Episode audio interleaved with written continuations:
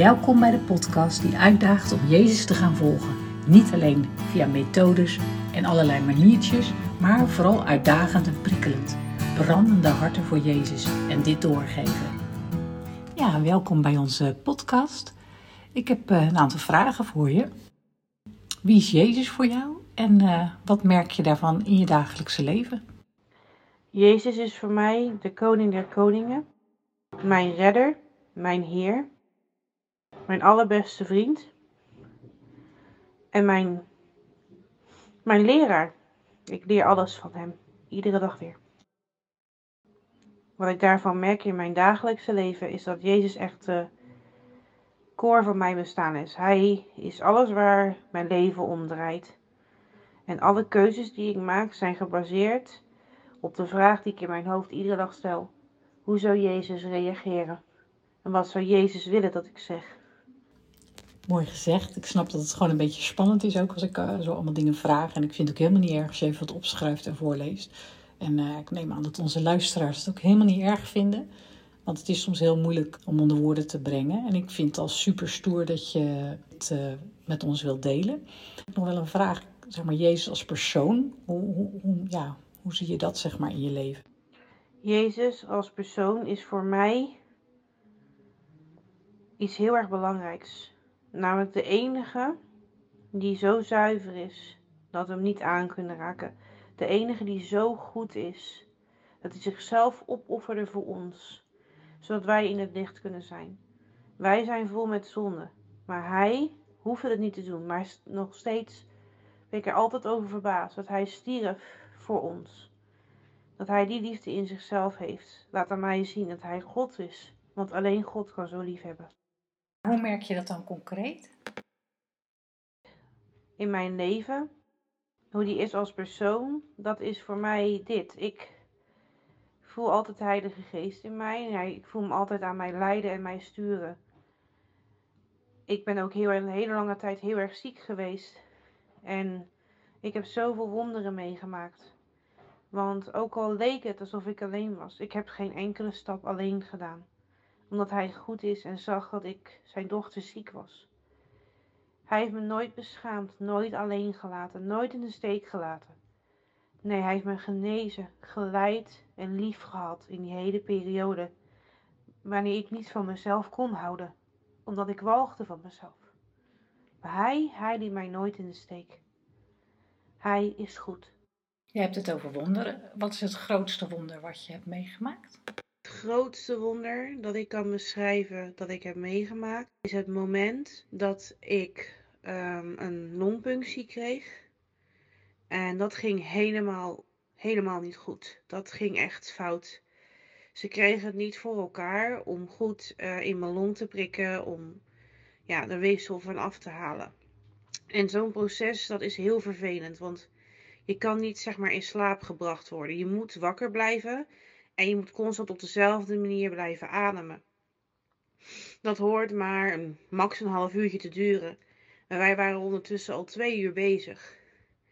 Ik was doodop, want ik was natuurlijk al hartstikke ziek. Ik was echt, ik had moeite met ademhalen. Ik kreeg het benauwd en ik begon eigenlijk reusachtig in paniek te raken. Iets wat je absoluut niet mag doen tijdens zo'n longpunctie.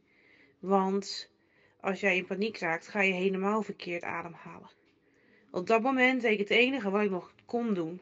En ik bad en ik zeg: Heer, ik kan niet meer. Dit gaat maar niet lukken. Ik haal dit niet.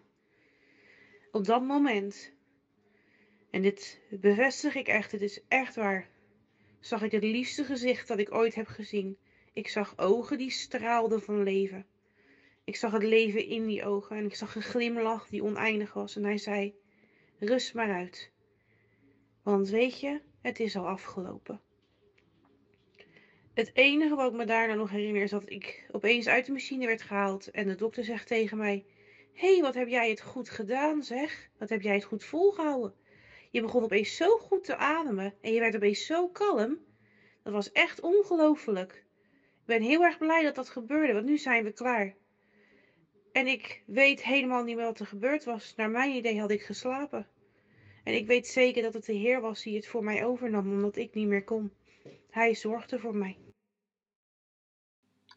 Ja, je bent toch echt wel een beetje stil van. Wat een ja, bijzonder verhaal, joh. Maar wat, wat is dat dan, die Heilige Geest? Hoe, hoe kan je zo'n gevoel voor mij beschrijven? Als ik het gevoel moet beschrijven van de Heilige Geest, dan kan ik het alleen maar beschrijven als een warme deken. Die voelt alsof ik word verwarmd met de geest van de Heer. En dan, zeker als ik de Bijbel lees, voelt het dan net alsof ik samen met hem aan het lezen ben. Ik zou er net niet zeg maar een kopje koffie bij zetten. Wat moet je doen als je Jezus nog niet kent? Nou, dat vind ik een hele belangrijke vraag. En het enige wat ik kan zeggen is: bid naar Hem en vraag Hem of je Hem kan leren kennen en of Hij je de waarheid wil laten zien. Want je kan alleen maar bij Jezus komen als je wordt aangeraakt door de Heilige Geest. Want de Heilige Geest die zal je ogen openen en je laten zien dat Jezus God is en dat Hij de waarheid is. En heb je een speciaal moment van de dag dat je zeg maar, voor de Heer tijd apart zet, zeg maar stille tijd of zoiets? Uh, nou, als ik heel eerlijk ben, ik bid heel de dag door. Ik praat met de Heer heel de dag door. Ik dacht eerst ook altijd dat iedereen dat deed, maar dat is blijkbaar niet zo. Maar ja, ik praat echt heel de dag met de Heer. Alsof ik met mijn beste vriend en met mijn vader in gesprek ben. Dus dat is voor mij gewoon ja, standaard zo. Ja, dat is eigenlijk best heel, ja, heel bijzonder dat je dat zo hebt. Hm, heb je nog een tip voor de luisteraars? Laat God je testen. En wees niet bevreesd om door die testen heen te gaan. Want hoe meer je daar doorheen gaat, hoe sterker en meest geweldige persoon God je zal maken. Hij weet echt waar hij je naartoe wil leiden. Heb daar vertrouwen in. Zo, dat vind ik ook best wel pittig gezegd, zeg maar. Van laat je testen, zeg maar, door God. Mijn vriendin en ik zeggen altijd tegen elkaar van ja, weet je, als je iets moeilijks meemaakt of iets van ja, zet je voetjes even op die rots, even lekker stevig. En uh, ja, dat kroontje van dat je speciaal bent in, uh, in Gods ogen op je hoofd. En dan kan je weer door, zeg maar. Want het is niet altijd makkelijk. Ja, ik geloof ook wel dat die beproevingen om, het zo maar even te noemen, dat die, ja, dat die dan in je leven komen. En, en dat je daardoor ook wel weer een ander mens kan worden. Ik geloof dat er in de Bijbel ook een, tekst staat over dat louteren van goud. Weet je wel, dat even in het vuur gebrand moet worden, of, of zilver. En dat dan alle vuildeeltjes zeg maar verbrand worden. En, eh, en, en dat het mooie dan, uh, dan achterblijft. Dus dat is wel uh, bijzonder. En denk je ja, dat dan beproevingen zeg maar, van, van God komen? Geloof echt dat uh, iedere beproeving, als je christen bent, van de Heer komt. Ook omdat er in de Bijbel staat dat God toestemming moet geven aan het kwaad om iets te laten gebeuren. Want hun hebben hier geen rechten meer op dit moment. Dus ja, ik geloof dat wel. Uh, we hebben geen rechten meer? Hoe bedoel je dat? Ik bedoel daarmee dat um, Jezus nu, zeg maar, omdat hij gestorven is, over de christenen beslist. Dus God kan moet echt toestemming geven. Inderdaad, net zoals bij Job, voor, uh, voor zijn volgelingen, om wat te laten gebeuren. Oké, net als in het verhaal van Job, dat zeg maar Satan en God zeg maar een gesprek hebben. En dat God zegt, oké Satan, tot op zekere hoogte mag je Job iets aandoen of verzoeken. Dat blijft natuurlijk een heel moeilijk, uh, ja, moeilijk begrip, denk ik, voor veel mensen die dit horen. En misschien kunnen we daar later nog eens een keer verder over doorgaan.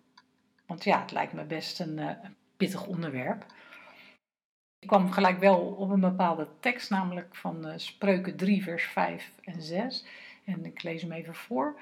Uh, vertrouw met je hele hart op de Heer en vertrouw niet op je eigen wijsheid. Overleg al je plannen met Hem, dan zal Hij je leven leiden. En dat is tegenwoordig natuurlijk niet zo heel vanzelfsprekend meer, dat we op die manier leven. En ik denk ook misschien uh, dat dat misschien anders is, of hoe wij in het leven staan misschien. Ik denk dat ik dan nog wel een uh, mooie bemoediging weet uit de basisbijbel, 1 Petrus 5, beginnend vanaf vers 7. Gooi alles waar je je zorgen over maakt, maar in Gods handen, want Hij zorgt voor je. Hij zorgt voor je. Wees verstandig en let goed op. Jullie vijand, de duivel, loopt rond als een brullende leeuw die een prooi zoekt. Hij zoekt wie hij kan verslinden. Verzet je tegen hem, sterk in je geloof. Vergeet niet dat je broers en zussen over de hele wereld dezelfde problemen meemaken als jij. Maar de God die een en al liefde en goedheid is, heeft jullie in Christus geroepen om voor eeuwig bij Hem te zijn. Hij zal jullie, na een korte tijd van lijden, volmaakt en sterk maken. Dus Hij maakt ons volmaakt en sterk. Van Hem is alle eer en macht voor eeuwig. Amen. Zo is het. Nou, ik wil je bedanken voor je bijdrage. Wil je zelf graag ook meedoen aan deze podcast? Stuur me dan een berichtje. Het nummer is 0649944423. Spreek het vooral in, dan kunnen we namelijk je fragment gebruiken. Heb je een vraag, dan mag dat natuurlijk ook. Dus ik ben gewoon heel benieuwd uh, ja, wat deze podcast ons gaat brengen.